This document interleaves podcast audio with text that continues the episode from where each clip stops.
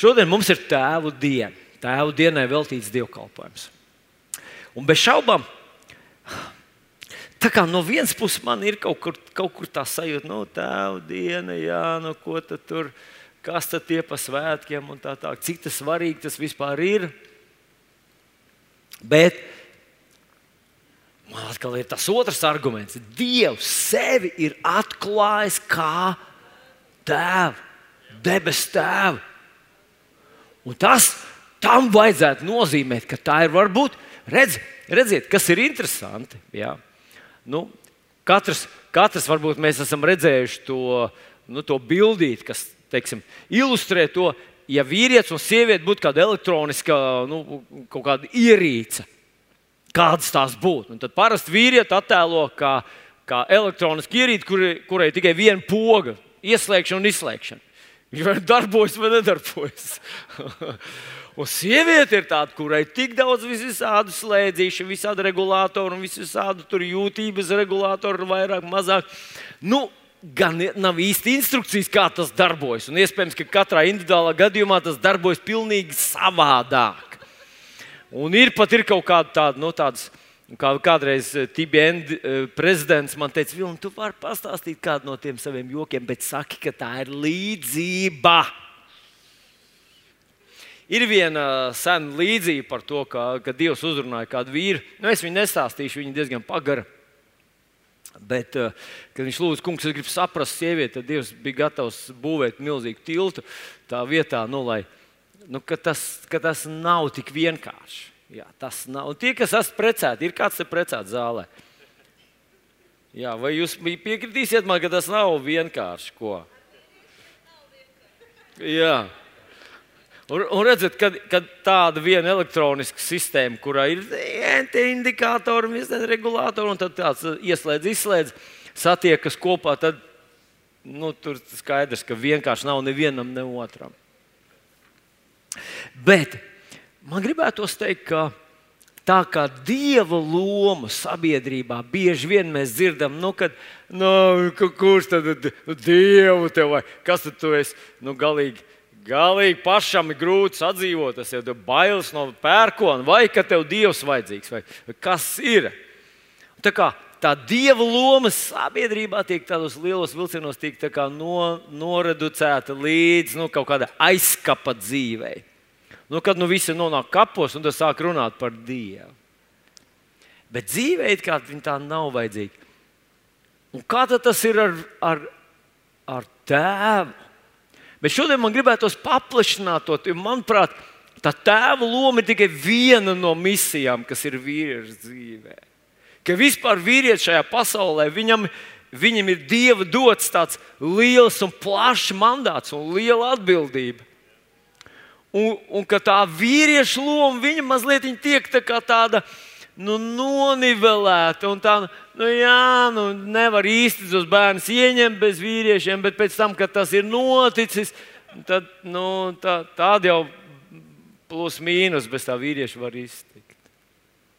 Un, zinat, es uh, nemācīšu konkrēti atsaukt atmiņā, kas tas bija par skolotāju. Bet vienreiz dzirdēju vienu skolotāju uh, uzstāšanos, kad viņš teica, ka viņš palūdza savā klasē skolniekiem pacelt roku, kas dzīvo ģimenēs, kurās vīrs vairs nedzīvo, vai tēvs vairs nedzīvo ar ģimeni. Un viņš bija pārsteigts par to, ka puse no klases uh, skolniekiem apliecināja, ka viņu tēvs, viņu ģimenes vīrietis vairs nedzīvo ar savu ģimeni. Viņš to ir atstājis un pametis. Un tā problēma Tā problēma, acīm redzot, ir ļoti, ļoti izplatīta. Ļoti izplatīta. Un tad es iedomājos, wow! Iedomājieties, pusi no bērniem nezina tēva figūru. Kā vien varbūt brīvdienās, varbūt svētkos viņš viņus apdāvina kliņģeriem, bombonkām un visu kaut ko nopērk bērnu, tās simpātijas. Un pēc tam atgriež atpakaļ mammai, kurai ir jāmāca, jādisciplinē, jāaudzina un tā tālāk. Es iedomājos, kā tas ir pasaulīgiem cilvēkiem, ka viņi ar to arī paliek. Tādiem bērniem, kuriem nav dieva. Viņi ar to arī paliek, ar to arī izaug. Un iespējams, ka vispār pazaudē. iespējams, vispār pazaudē šādu tēvu un vīriešu lomu, cik tā ir nozīmīga un svarīga. Tā nav kaut kāda, kurai jāpakārto visu dzīvi, un tomēr tā ir nozīmīga. Bībelē mums to saka Dievs, Tēvs. Un cik privileģēti ir ticīgi cilvēki, ka tev tomēr ir kāds, kas ienāk tajā milzīgajā caurumā un saka, es esmu tavs debes tēvs. Un tad man patīk, kā viņš iesaistīja grāmatā 54. nodaļā. Viņš saka, lai arī kalni atkāptos un pakalni sakustētos. Mana žēlastība no tevis neatkāpsies, un mana miera derība nešobīsies. Mīļais, mans brāl un māsa! Iespējams, ka tu esi uzaugusi vienā no tām ģimenēm, kur fāterīts, vīrietis aizmuka. Aizmuka no grūtībām, aizmuka prom, tāpēc, ka kaut kur ieraudzīja kaut kādu, nu, kaut kādu kumosiņu, ko varēs apēst. Un tu esi palicis. Mīļais draugs, es no visas sirds uzmundrinu tevi. Atnākt pie sava debesu tēva un ļaut, lai viņš kompensē tavai dvēselē, tavam dzīves redzējumam, tavam, tavam dzīves skatījumam kāds ir īsts debes tēvs, kad tas ir uzticams, lai viss pasaule būtu pret tevi. Viņš vienmēr būs kopā ar tevi. Brīnišķīgais mūsu debesu tēvs. Halleluja! Bet es mēģināju atcerēties Bībelītē, kad pirmo reizi ir kaut kas teikts par vīriešu, lomu. Un kas tad ir tas, ko Dievs gribēja caur viņu izdarīt? Un es atrod to pirmo mūža grāmatā, otrajā nodaļā, 15. pantā, tas jau pašā, pašā, pašā sākumā, kad Dievs radīja uh, cilvēku, Dievs rada.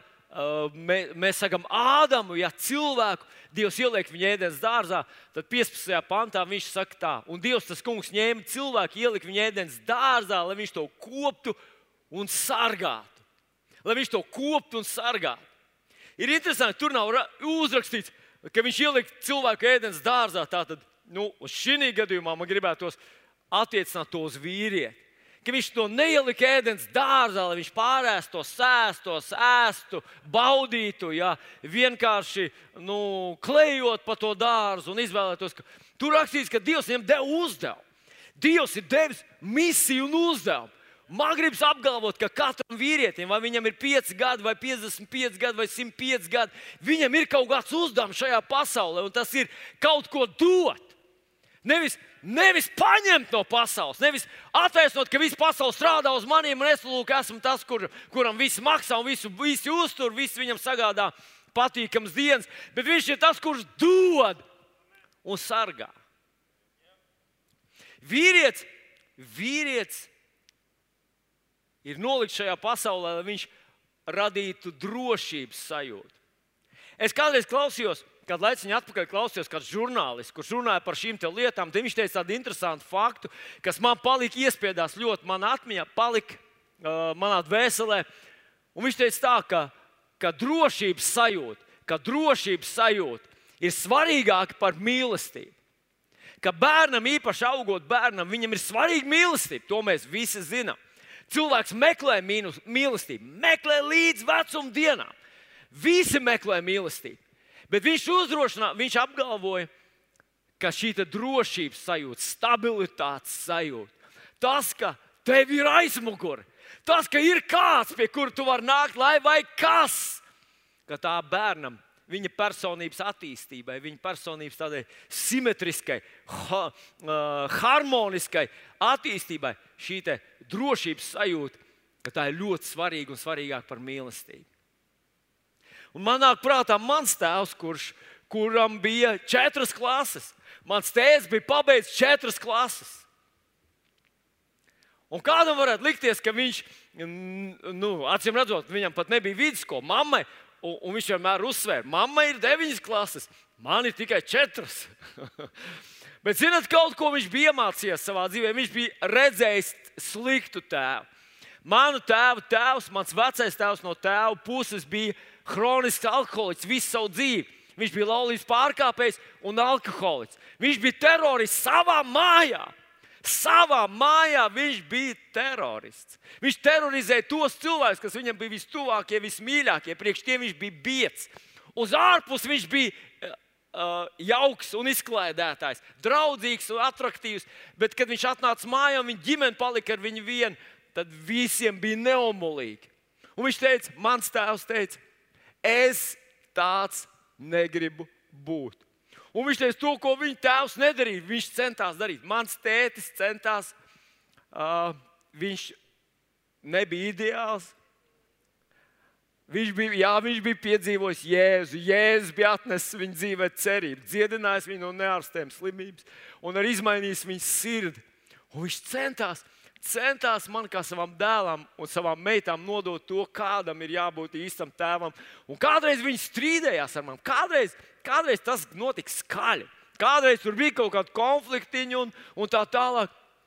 Bet nekad es nedzirdēju no tēva kaut kādu domu pat kaut kādu domu līmenī, ka viņš varētu aiziet, atstāt, ka viņam ir apnicis, viņš ir nogurs un tā tā. Vispār viņam te viss ir apriebies. Nekas tam līdzīgs. Tētis bija tā kā dievs. Viņš bija, paliks, būs, lai vai kas. Un manuprāt, manuprāt, manuprāt tas, tas, bija, tas bija kaut kas, kas dod tev tādu sajūtu, ka tu vari stāvēt savām kājām un tu zini, ka ka tas pamats, uz kur tu stāvi, ir nezūdošs. Bet tā tad Dievs, es ticu, ka Viņš ielika cilvēkā, ielika vīrietim šādu uzdevumu, nodrošināt šādu stabilitātes sajūtu, un tas ir ļoti, ļoti daudz. Bet es šodien uzdrošinos apgalvot, ka lēnītēm vien, lēnītēm vien kopš grēkā krišanas, kopš cilvēks kļuva par grēcinieku, no svētā Dievs viņu radīja par svēto, kopš viņš kļuva, viņš kļuva par grēcinieku Viņš pazaudēja dieva atklāsmi. Kā mēs zinām, dieva atklāsme ir pazudusi, un cilvēki sabūvējuši, sacēluši, saradījuši visus visādus dievus, kādus pašiem patīk, un kas pārspēj grēku ziņā, pārspēj pašus visniknākos grēcinieks. Jūs tikai vajag mazliet palasīt par Indijas reliģijām. Jūs konstatēsiet, ka tur ir tādi dievi, kur, kur visiem mūsu izlaistajiem pagāniem vispār, līdz kuriem vēl ir nu, līdz mēnesim, ko tie dievi visi nav sadarījuši. Tad šī dieva atklāsme ir pazudusi. Un ir pazudusi arī atklāsme par, par tēvu lomu, par vīriešu lomu. Un es uzdrošinos apgalvot, ka no tāda, kam vajadzēja nodrošināt drošību un stabilitāti, no tāda, kas, kam vajadzētu uzņemties rūpes, vīrietis tādā nu, vidusmēra, stereotipiskā atziņā, parasts vidusmēra vīrietis, viņš asociējas ar apdraudējumu. Nu, mēģiniet man nepiekrist, bet uh, pieņemsim, vakarā jūs ejat pa vecīgas ielām, ir tumšs, satums, uh, nav vairs cilvēku uz ielas, un jums nāk pretī sieviete. Viņa iet pa ielas pretējo pusi, un pēkšņi jūs redzat, ka, ka tuvojoties, viņa nāk pretī pāri ielai un nāk pie jums, dodas pie jums klāt. Ko jūs padomājat? Kāpēc jums tuvojas tā sieviete? Ko, ko jūs domājat? Nu, nu, visdrīzāk viņa ir apmaldījusies. Pareizi. Viņi nāks paprasīt jums, eh, nu, kur ir tā iela, kur ir brīvības iela, vai kur ir brīvības piemineklis, piemēram. Un jūs varat pateikt, kur ir McDonald's, ko sievietes parasti prasa. Kur ir McDonald's? nu, piedodiet, jā, piedodiet, tas bija, tas bija, jā, tas bija zaimošana. Tas, tā, tā, tā sievietes nekad neprasa. Nu, jums nebūtu bailes, vai ne? Vai, protams, nu, tas visparastākais viņi neprasa magnāli, viņi prasa, vai jūs neredzējat tādus uh, rūtas runcis ar tādu nē, Nē, nē. Jā, tā pretīga balss. Es manēju, Boris, es gribu viņu atpakaļ, vai jūs pastāstīt, vai jūs redzējāt. Nu, jūs ne, jums nebūs bailes no sievietes, bet ja jūs ejat pa tumšu vecerīgu ielu un pēkšņi jūs redzat, jums pretī nāk vīrietis, un te viņš nāk pāri ielai pie jums. Vai jūs ne, ne, nesākat sisties uh, sirsniņā, uh, un jūs nesavarat somiņu, ja, nu, ja jūs esat sieviete, ja jūs esat somiņu stiprāk un domājat, tā, pagaidi, jāieļo kājas, kas būs jādara tūlīt. Nu, tas uzreiz kā jums, jums nu, tāds satraukums būs pareizi. Nu, bet mēģināsim to situāciju. Un mēs runājam par vīrieti, kur Dievs bija radījis, lai viņš kļūtu par drošības garantu. Bet mēģināsim to situāciju vēl padarīt uzskatāmāku. Jūs atkal esat tajā pašā tumšajā vecrīgas ielā, ejiet viens pats, neviena nav, visi logi ir tumši, visi jau guļ, viss valsts guļ, un pēkšņi jums pretī nāk trīs vīrieši.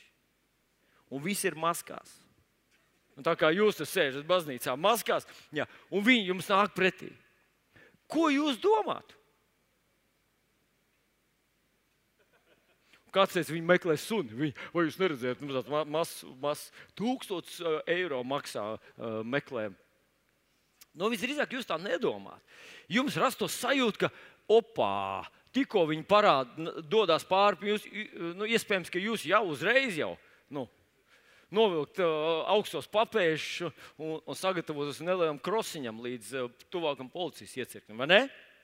Bet, ja nāk pretī sievietes, Teiksim, nāk trīs sievietes vakarā, teiksim, nāk sešas sievietes un visas maskās. Ko jūs domājat? Jūs domājat, ka medmāsas nāk pēc darba slimnīcā vai ne? Un jūs jau sākat dziedāt to dziesmu, tas kungs, lai svētī un sargā un palīdz. Meitenes, turieties, mēs esam par jums!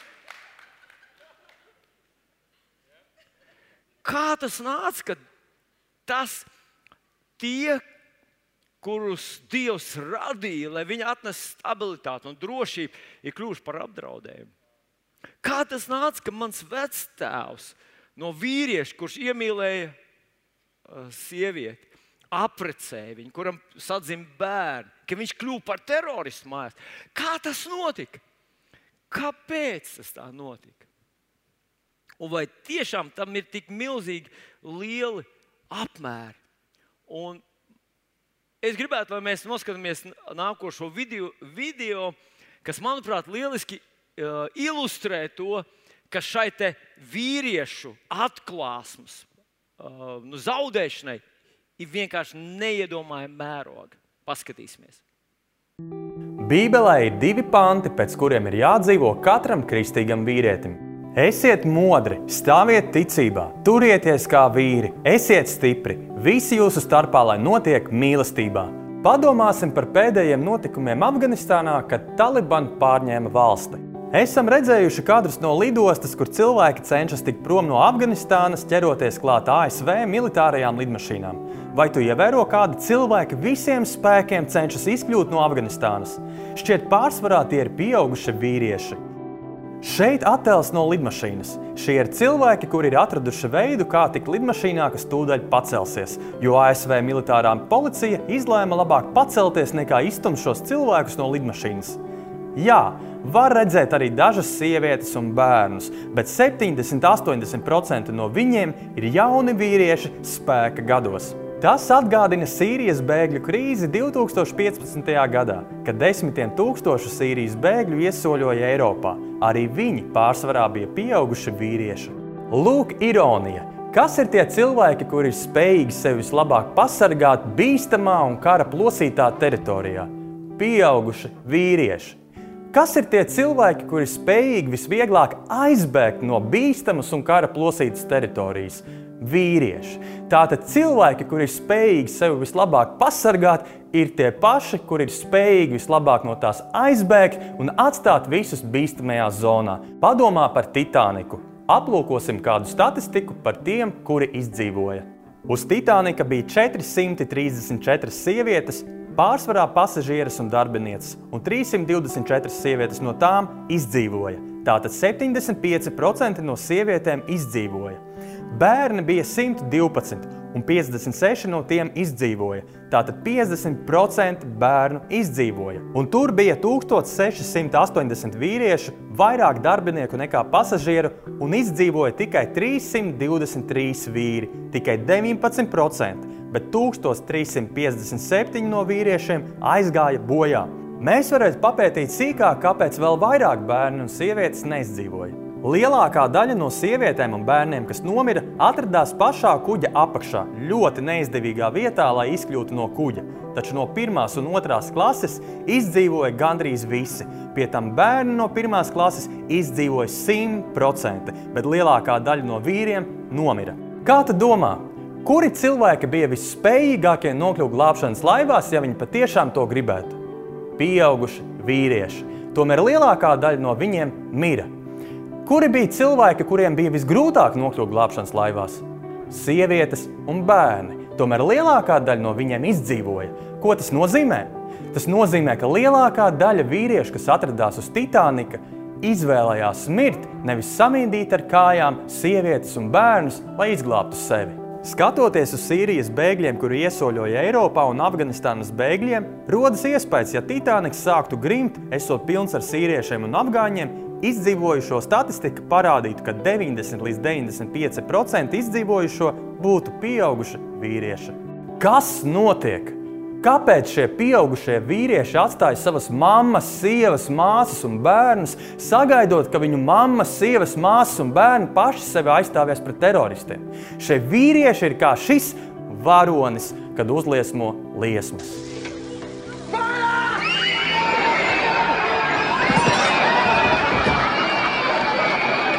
Vai tiešām tu labāk izvēlētos izdzīvot un pamest sievietes un bērnus? Kāpēc šī lidmašīna nebija pilna ar sievietēm un bērniem? Lai būtu godīgi, tajā lidmašīnā bija sievietes un bērni. Tas nozīmē, ka kādi vīrieši cīnījās, lai dabūtu šīs sievietes un bērnus lidmašīnā. Bet šādi vīrieši bija mazākā daļa.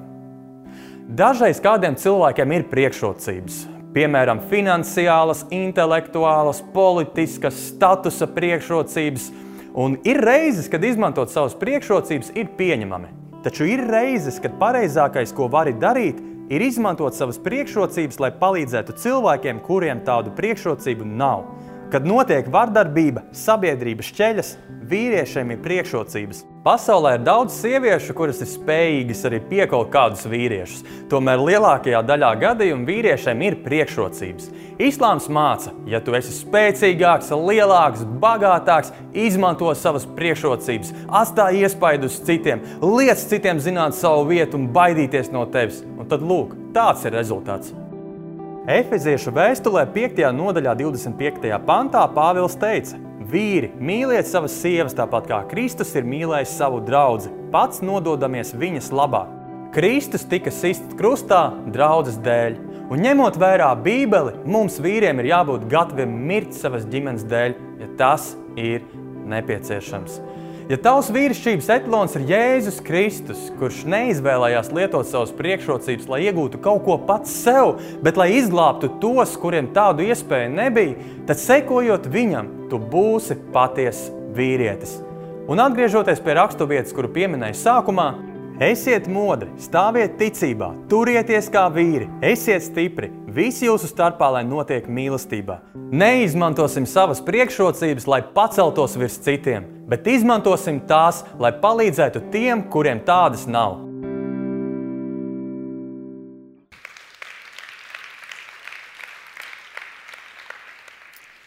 Ziniet, es priecājos, ka nedzīvoju Afganistānā un nedzīvoju Sīrijā. Kaut ko, kaut ko kristietība vēl ir saglabājusi mūsu zemē. Un, manuprāt, ja, Latvijā notiktu līdzīgi, tad procenti krasi atšķirtos no tiem, ko mēs redzējām tur. Bet gribēju atgriezties pie tās pirmās vēstures korintiešiem, 16. nodaļas, 13. panta. Un tur lasām tādus vārdus: Esiet modri, stāviet ticībā, turieties kā vīri, esiet stipri. Nu, šī vēstule, korintiešu vēstule, nav rakstīta Korintus vīriem. Ir, protams, rakstīta vīriem, bet ne tikai vīriem. Tā ir rakstīta visai draudzē. Un, manuprāt, tas ir, ir svarīgi apzināties un saprast. Un tajā pašā laikā tā ir rakstīta arī vīriem, un jo īpaši šajā situācijā, kādā atrodamies mēs ar jums. Manuprāt, visas šīs lietas, visas šīs pavēles, visas šīs norādes un brīdinājumi ir uzrakstīti priekš tiem, kas atrodas kaujā. Nu, varbūt kaujas apstākļos mēs neesam bijuši. Iespējams, ka neviens neesam bijuši. Varbūt daži ir bijuši kaut kur kādā militārā misijā. Bet es domāju, savā bērnībā un jaunībā iespējams, ka puiši ir atradušies tādā nu, kā kautiņa situācijā, kādā kā apdraudējuma situācijā. Un tad tu zini, ka tev jābūt nomodā, tev jābūt uzmanīgam, ka tev jāstāv un, un uh, tu nevari mukt, tu nevari bēgt. Tas nebūs viegli. Tev jāturās kā vīram, jābūt stipram. Manuprāt, Pāvils arī domā šo te. Viņš runā par kauju, zinādams, ka mēs atrodamies tādā garīgā karā. Un tas, ka mēs par to aizmirstam vai neesam informēti par to, nenozīmē, ka esam mazāk apdraudēti. Tas, ka kāds staigā pa mīnu lauku un nezina to, nenozīmē, ka viņš ir drošāk nekā, drošākā vietā nekā tas, kurš uzmanīgi vēro zemi. Drīzāk tā viņa vieglprātība, tā viņa bezbēdība un neinformētība nodrošinās viņam sakāvi kautiņā. Viņš vienkārši tā būs pamūti. Manuprāt, mīļie draugi, ka notiek lielāks karš nekā tikai Afganistānā, kaut kur atgriežas Taliban, vai Sīrijā, pilsoņu karš, vai Ukrajinā, vai, vai vēl kaut kur citur, kaut kādas militāras kustības. Notiek viens liels, plašs karš, un tas ir karš pret vīrieti, pret viņu lomu, pret viņu misiju, pret viņu apziņu, pret viņu šo spēju uzupurēties. Uzupurēties savu spēku un savas privilēģijas uzupurēt kāda cita dēļ. Un sākot jau pavisam, pavisam, pavisam pašā sākumā savas ģimenes dēļ. Uzupurēties, tas savs spējas aiziet, aizmukt no grūtībām. Tās novirzīt uz to, lai to tavu spēku, un to tavu vīrišķību un spēku ieguldītu, lai tiktu galā ar grūtībām, lai tiktu galā ar izaicinājumiem. Un Afganistāna ir ļoti spilgts piemērs, kur, kur uh, vīrieši faktiski izdara to pašu, ko izdara arī rietumu vīrieši. Tikai drusku savādāk tas izskatās. Tur viņi burtiski pamet savus ģimenes likteņu varā, ienaidnieku ziņā. Nu, kas notiks, tas notiks. Jaunībā bija viens mans uh, vienauds, ar ko kopīgi mēs piedzīvojam savas pirmās tās, tās uh, nu, jauniešu, jaunu vīriešu gaitas. Nerunājot par kādām seksuālām lietām, vienkārši, nu, kad, kad tu apzinājies, tur, ka tu jau esi kaut kāds, tu, tu neesi vairs mammas azoties, slēpies, bet tu jau esi jauns vīrietis, kuram pašam jāiet savus gaitas. Tad reiz mans draugs man jautā, ko tu darītu, ja tu ej ar meiteni un tev pretī nāk tur, nu, kaut kāda bandīšu nu, grupa un tagad jums kaut kā uzbrūk. Es teicu, man jau nebūtu izvēles. Ko tu, ko tu tur vari darīt? Tev blakus ir meitene. Tev vienkārši jādara viss, ko tu vari darīt, lai viņu pasargātu. Uz ko mans draugs teica, ko tu viņa meitenei tur vari nodarīt? Bet, bet uh, tu vari aizmukt prom. Un tad es viņam teicu, zini ko?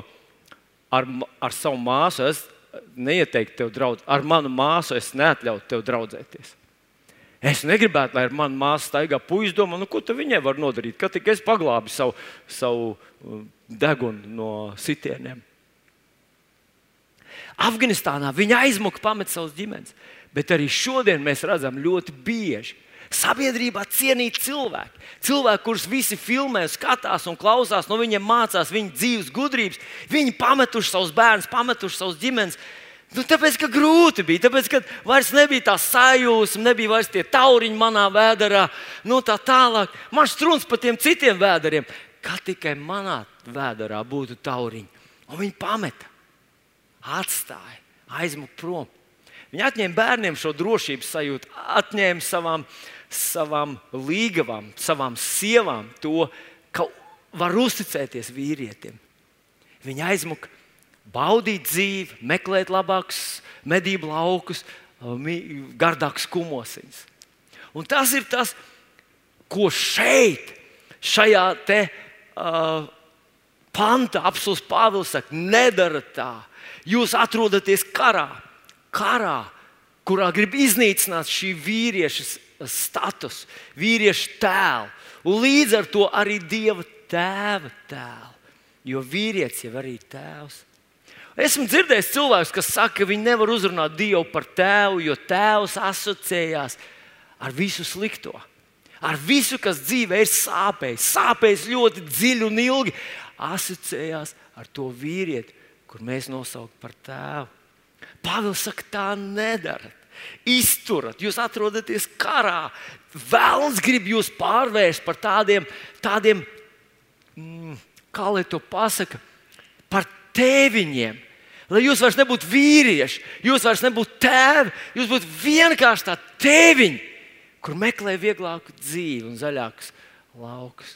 Nepadodieties, turieties tam pretī. Un viņš runā par garīgu cīņu, bez šaubām.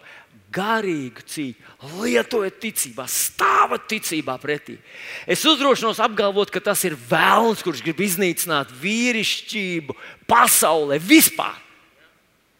Varbūt lai viņi paliek kā tēviņi, bet kā cīnītāji, kā patrioti un kā ticības vīri. Kā Abrahāms ticības tēvs, mans ticības tēvs, Vilis, mans tic, tavs ticības tēvs, kāds, kas ir bijis vīrietis, kuram bija viena poga ieslēgts, izslēgts, bet viņš bija tik vienkāršs, ka pārprast viņu nevarēja. Viņam bija vienas vērtības, ziemā un vasarā, vieglos laikos un sliktos laikos. Viņam bija viņa dievs, lai vai kas un viss pasaule varēja iet divlēs. Viņš zināja, kur meklēt savu spēku un mīlestības avotu. Mans debes tēvs. Halleluja! Mīļais draugs, es gribu apgalvot, ka kopš mēs pieņemam Jēzu par savu kungu, Dievs ir izmainījis mūs, izmainījis mūsu vīrus. Un pat ja tev nav bijis tāds pozitīvs tēlu, pozitīvu paraugu par vīrieti, kurš nebēg no grūtībām, nesalūst, nepadodas, nerada teoloģiju, kas aizbildina to viņa īpašo situāciju, ka redz, nu tur, jā, tur Dievs jau mīl un tā tālāk. Bet, ja tev nav bijis tāds pozitīvs tēls, tu to vari atrast. Tu vari atrast savā debes tēvā, un viņš tev ir ielicis savu dabu, savu spēku, Tas nav kaut kas svešs, par ko tev jākļūst.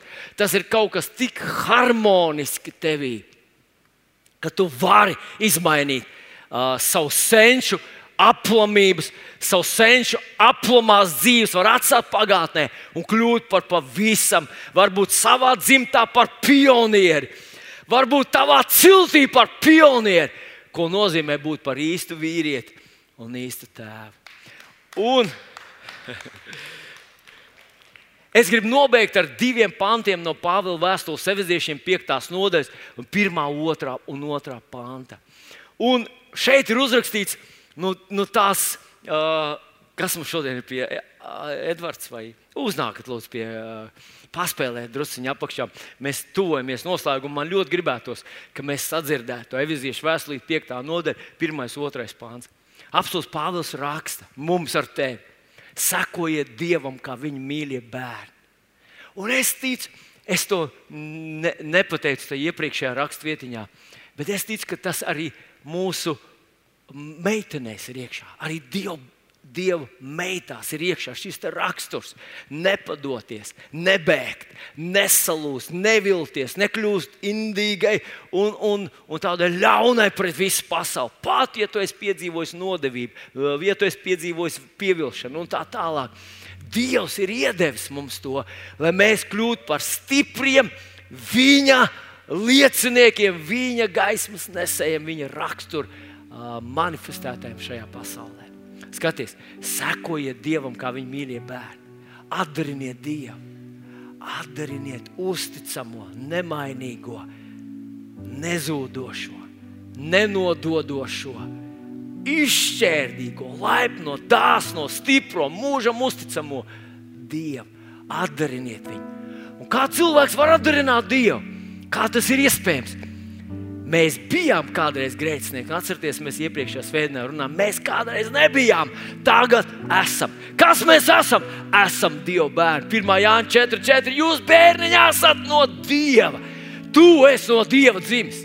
Un tā kā, tā kā varbūt alkoholiķis, alkoholiķi bērni fizi, fizioloģiski pārmanto kaut kādas noslēdzes un jūtības pret, pret alkoholu tā mēs, kas esam dzimuši no Dieva, mēs pārmantojam viņa raksturu.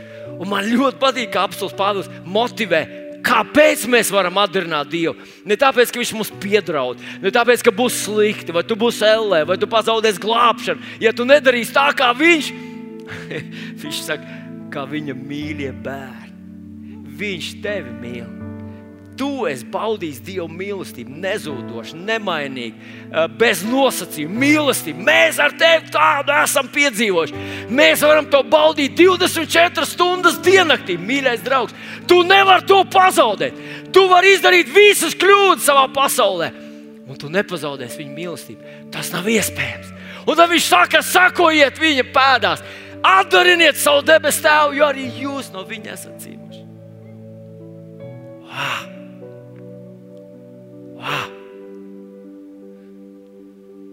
Kristīgs vīrs, tevī tas ir iekšā. Nodot šai pasaulē viņa mīlestību. Un tā ir mūsu misija šajā pasaulē. Tā nevajadzētu aprobežoties ar to, ka tu esi ļoti, ļoti gādīgs, bet visa tava kristietība, visa tava vīrišķība un mīlestība beidzās līdz ar tavas, tava dzīvokļa durvīm. Ārpusē tas aiziet, nenāk, neko neņemat no mums. Nē, tu esi dāsns un drosmīgs. Tu zini, ka Dievs tev palīdz.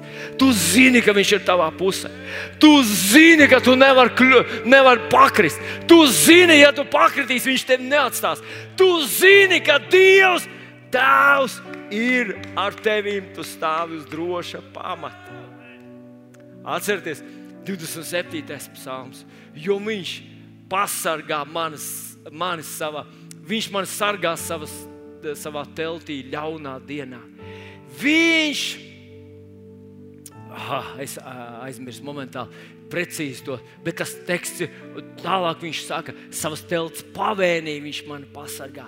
Viņš ceļ augstu manas kājas uz klints kalna, uz klints kalna. Un Jēzus tas ir. Un viņš saka, tā man galva būs pacelta ienaidniekiem redzot. Mīļais draugs, ienaidnieks mums visiem šajā pasaulē ir. Arī tev ir ļoti ļauns, viltīgs, slīpēts ienaidnieks. Bet Dievs ir pacēlis tavs kājas augstus klints kalnu, tu stāvi Kristu Jēzu, un tev šajā pasaulē ir misija. Pieminot vēl to iepriekšējo uh, ilustrāciju ar Afganistānu. Padomājiet, divi tipi vīrieši vīrietis, kas atstāja savu ģimeni, noskūpstīja visus. Saka, es jūs visus ļoti mīlu, bet nu, man ir jābēg, man tūlīt ir lidmašīna. Čau, turieties! Un aizbēga. Un vīrietis, kurš atskrēja līdz lidostai ar savu bērnu, nesdams savu bērnu. Un nu, konstatēja, ka viņš netiek iekšā. Vienkārši netiek. Visi pārbāzti, pār, um, pilns. Un viņš netiks iekšā. Un nu viņš Dievu lūdzu, domā, kā es varu izglābt vismaz savu bērnu. Un viņš piesauc kādu amerikāņu karēju un saka, ziniet, es esmu kristietis. Es ne par sevi baidos, ne par sevi es lūdzu, es gribu pasargāt manu bērniņu. Un tas amerikāņu karjeras viņu uzklausa, un viņam droši vien asaras saskarējās. Viņš teica, es darīšu, ko es varu. Es mēģināšu atrast Amerikā kādu ģimeni, kas viņu paņems. Viņš izstiep savu rokas, un tas tēvs sevi atstādams nāvei. Pateicās Dievam, ka viņš var nodot savu bērnu, kurš vismaz piedzīvos dzīvi. Kā Dievs var izmainīt cilvēku sirdi? Kā Dievs var izmainīt vienu vīriešu sirdi? Es ticu, ka Viņš to izdarīja ar mums, ar tevi kad mēs pieņemam jēzu par savu kungu, varbūt mēs to nesajūtam katru dienu. Varbūt tas nevienmēr deg un pulsē mūsu acīs, mūsu sirdīs, mūsu krūtīs. Bet zini, ko man ir tāds sajūta, ka šis ir tas laiks, kad Dievs modina mūs atkal. Jo apkārt ir cilvēki, kas aizies pazušanā. Ne uz sestdienas svētdienu. Viņi nepazaudēs darba vietu, viņi pazaudēs visu. Viņi pazaudēs mūžību. Un mēs ar tevi esam šeit, vīrieši un sievietes no Dieva dzimuši, kuru liktenis ir drošs. Mums tajā lidmašīnā vieta jau ir rezervēta, un mūs tur aiznesīs. Kad pienāks brīdis, mūs paņems, un mēs tur būsim. Mēs jau esam glābti. Bet šeit šodien mēs varam nodot šo Dieva mīlestības vēstuli dziedinošo vēstu. Tev ir Tēvs debesīs, Viņš tevi mīl. Un tad ir tas otrais pants, un dzīvojiet mīlestībā, kā Kristus jūs ir mīlējis. Mūsu labā sevi nodevis Dievam par upuru dāvanu, par jauku smaržu. Ziniet, īsta vīrišķība ir redzama Kristū. Viņš netrīcēja par sevi nekad. Viņš ne sevis dēļ cīnījās, ne sevis dēļ cieta. Viņš darīja to citu dēļ. Un mūsos ir iekšā šis pats raksturs, šī pati dzīsla.